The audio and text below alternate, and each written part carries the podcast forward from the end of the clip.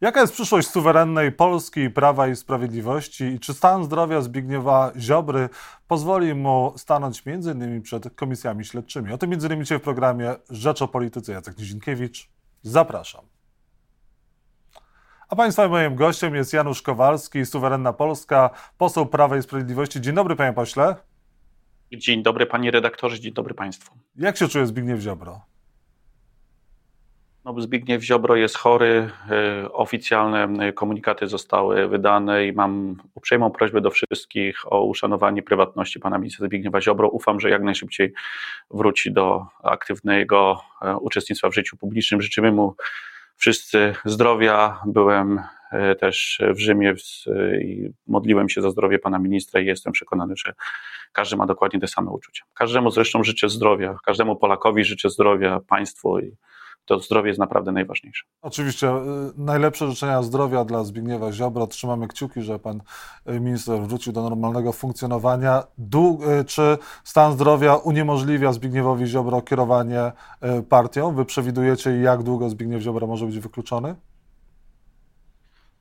Poczekajmy na najbliższe e, tygodnie, miesiące. No, ufam, że pan minister Zbigniew Ziobro jak najszybciej wróci i tego mu wszyscy życzymy do aktywnej e, polityki, ale tak naprawdę to jest decyzja lekarzy. Tak jak powiedziałem, uprzejma prośba też o uszanowanie tej prywatności. Nie chciałbym jakby komentować jakby stanu zdrowia pana ministra Zbigniewa Ziobro, to jest jego prywatna e, sprawa. Natomiast w Sejmie Rzeczypospolitej Polskiej mamy silną drużynę, w tej chwili 17 e, posłów czekających na Zbigniewa Ziobro. Będziemy merytorycznie, twardo pracować w klubie parlamentarnym Prawa i Sprawiedliwości, aby e, i czekać na powrót pana ministra Zbigniewa Ziobro. Ja przepraszam, że zadam to pytanie, ale ono na pewno prędzej czy później się pojawi. Zresztą pytają o to e, internauci, czy nie jest tak, że Zbigniew Ziobro trochę próbuje uniknąć albo obawia się stanięcia przed komisją śledczą. Czy też jak będzie się czuł lepiej, to stanie przed tą komisją śledczą? Pan Zbigniew Ziobro wypowiadał się na ten temat kilka tygodni temu. Nie ma nic do ukrycia. E, był częstym, e, często wzywany przed różne komisje śledcze i jeżeli będzie miał możliwość i jego stan zdrowia temu e, pozwoli, to na pewno się wstawi przed komisją śledczą. Natomiast tutaj dotykamy jednak wrażliwej kwestii dotyczącej zdrowia. Zresztą całe Prawo i Sprawiedliwość nie ma niczego do ukrycia. Poparliśmy przecież jako cały klub powołanie pierwszej absurdalnej komisji, komisji śledczej w sprawie tak zwanych wyborów kopertowych, ponieważ Platforma Obywatelska chce nas rozliczać z tego, że organizowaliśmy wybory zgodnie z konstytucyjnym terminem. Proszę bardzo, jesteśmy otwarci tutaj na e, dysputę. Komisja została powołana i zobaczymy, jak e, pójdą jej obrady. Jestem przekonany, że Platforma Obywatelska się skompromituje w trakcie obrad tej komisji śledczej. Czy Donald Tusk jest niemieckim agentem? Na pewno Donald Tusk dzisiaj realizuje politykę w moim przekonaniu na wskroś wschodnią. Proszę zważyć, nawet e, dzisiaj pan redaktor rozmawiał z panem marszałkiem Krzysztofem Bosakiem prawie 20 minut na temat e, pana Grzegorza Brauna. Tak jak Władimir Putin potrzebował Żyrynowskiego, tak i Platforma Obywatelska, Koalicja Obywatelska, ta władza, która dzisiaj uderza w konstytucję, potrzebuje właśnie takich ludzi jak Grzegorz Braun, którzy będą swoim radykalizmem obniżać status Rzeczypospolitej na arenie międzynarodowej i powodować to, że nie będziemy patrzeć we właściwym kierunku, na przykład na działania pana Adama Bodnara, który uderza w polską konstytucję, chce jakimiś okulnikami, dekretami nakazywać sędziom, jakie mają wydawać wyroki. Za chwilę ma być uderzenie w dziennikarzy e, telewizji publicznej, w Radę Mediów Narodowych. E, są zapowiedzi, że uchwałami mają być odwoływani sędziowie. No takiej sytuacji w III Rzeczypospolitej jeszcze nie było. Jestem przekonany, że pierwszy kwartał 2024 roku to będzie mm, ten czas przebudzenia polskiego narodu. Będziemy protestować tam, gdzie władza łamie prawo, konstytucję. Panie pośle, ale zapytałem o to, czy według pana Donald Tusk jest e, niemieckim agentem, czyli czy jest niemieckim szpiegiem, tak jak powiedział z mównicy sejmowej Jarosław Kaczyński. Czy są jakieś dowody na to, że e, Donald Tusk jest niemieckim agentem? Nie na to, czy według pana on sprzyja polityce tego czy innego kraju, tylko na to, czy konkretnie jest niemieckim agentem. Są konkretne słowa, konkretne zarzuty. Pan jest posłem partii, która ma w nazwie Prawo i Sprawiedliwość sprawiedliwość. Więc ja pytam o odpowiedzialność za słowa i konkrety i dowody. Ja odpowiadam za swoje słowa i zawsze nie ukrywałem tego, że Donald Tusk w mojej ocenie realizuje niemiecką politykę. Ale to już pan powiedział. Pytam o niemiecki agent. Jak ja bym powiedział, że Janusz Kowalski jest y, ruskim albo niemieckim agentem, to nie, nie oznaczałoby, że pan y, jakiejś polityce i, i, któregoś państwa sprzyja, tylko że pan działa na rzecz i jest pan w służbach jakiegoś państwa, czy podpisał jakieś tam dokumenty. Pytanie jest o Donalda Tuska i Jarosława Kaczyńskiego. Czy pan popiera tę wypowiedź, tak czy nie? Czyli ja popieram e, sposób myślenia pana prezesa Jarosława Kaczyńskiego, w pełni się z nim identyfikuję. Uważam, według, że... pana, według pana Donald Tusk to jest niemiecki agent. Ma pana to jakieś dowody? Na to, że działa na. No, na, pew na pewno patrząc się na to, co zrobił w piątek, czyli to, że nie zawetował skandalicznie niekorzystnej dla milionów Polaków i całej Rzeczpospolitej propozycji Komisji Europejskiej, którą przedłożyli Niemcy. Propozycji nałożenia na Polskę dodatkowych trzech podatków, które doprowadziły do, do tego, że tak zwane polskie KPO o w wielkości 30 miliardów złotych musielibyśmy spłacić 150 miliardami euro, przepraszam, 30 miliardów euro versus 150 miliardów euro, no to pokazuje, że Donald Tusk jako premier Rzeczypospolitej w pierwszym swoim teście e, na to, na jej wiarygodność jego słów, że nie będzie zgody na nowe podatki, nie będzie zgody na nowe traktaty, oblał ten test kompromitująco. Dziś rozmawiamy w dniu, w którym pani Henning Kloska na Radzie do Spraw Środowiska ponownie w mojej ocenie skompromituje się tym, że nie postawi weta w stosunku do koncepcji niemieckiej zmian e, traktatów. I w tym sensie, panie redaktorze, warto zadawać pytania, czy Donald Tusk i ta koalicja realizuje polskie interesy, czy realizuje... Pana, ja zapytałem, czy nie Donald Tusk według pana jest niemieckim agentem, a nie czy realizuje czyś interesy, czy nie. Nie jest niemieckim agentem według pana, tak czy nie? O to proszę pytać pana prezesa Jarosława Kaczyńskiego. Ale pytam Janusza Kowalskiego. Pytam Janusza Kowalskiego, czy się zgadza z taką opinią, tak czy nie? I prosta odpowiedź. Proszę. Ja panu, ja, panu, ja panu odpowiem, ja nie jestem Jarosławem Kaczyńskim. Według mnie Donald Tusk nie jest niemieckim agentem. Nie ma na to żadnych dowodów i też jest odpowiedzialność za słowa. Teraz pan, czy według pana są dowody na to, że Donald Tusk jest agentem niemieckim i można go nazywać agentem niemieckim? Tak czy nie?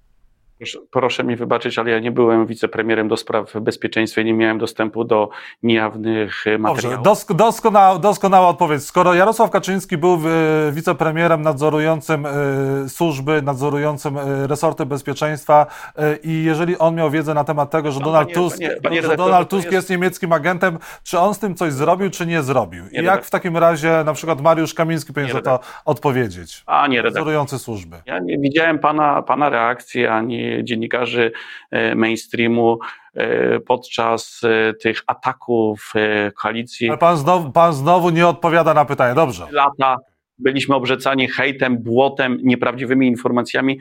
Nigdy tutaj takiej reakcji nie było.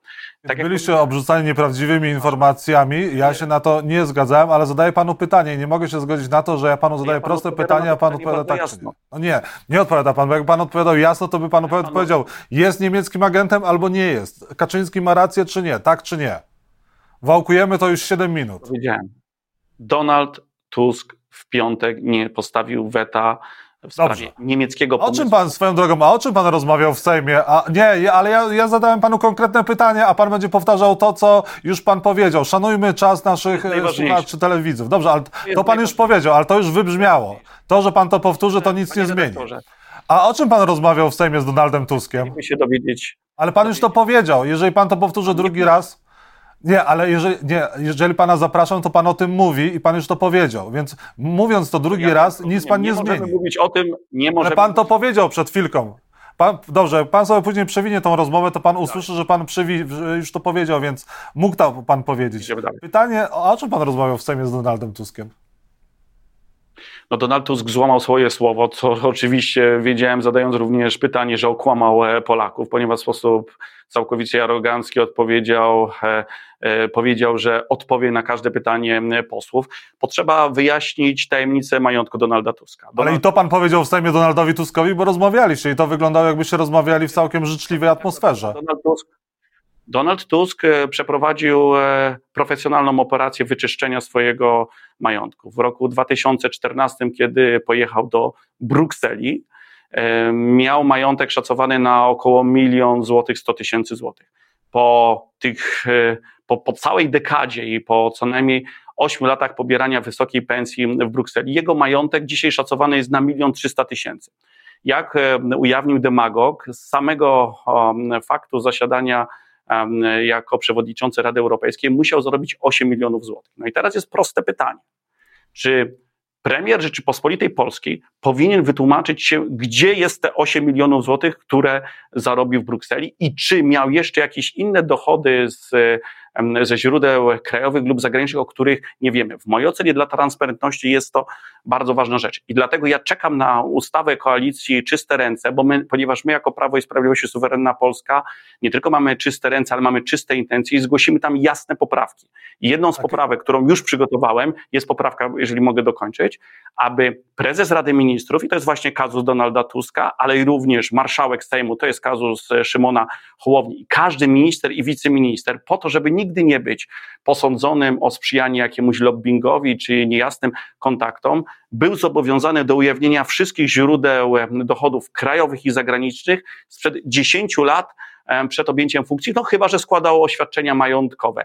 Plus oczywiście kwestie dotyczące darowizn na dzieci i... Jak to się ma do Mateusza Morawieckiego, który przez lata nie, u, nie ujawnił swojego majątku przypisanego na żonę? Ja nie słyszałem, żeby pan w tej sprawie gardłował że Mateusz Morawiecki ujawnił, ujawnił swój majątek. Od kilku lat, od kilku lat jestem tym posłem klubu e, parlamentarnego Prawa i Sprawiedliwość, który mówi o pełnej jawności majątków małżonków. Kiedy 20 lat temu jako prezes Stowarzyszenia Stop Korupcji jako pierwszy mówiłem o jawności chociażby głosowania za e, e, no, jawności głosowań w radach e, jednostek samorządu terytorialnego. Taka ustawa potem została przyjęta i takie rozwiązanie. Mateusz Morawiecki również powinien ujawnić teraz swój majątek w końcu każdy, i, i, to, każdy, co przepisał na żonę. Kto, w mojej ocenie, to jest moja ocena, każdy, kto służy na najwyższych stanowiskach Rzeczypospolitej, powinien mieć, ujawniać swój majątek, informacje o darowiznach, informacje o majątku małżonki, absolutna pełna transparentność. Ja nie mam niczego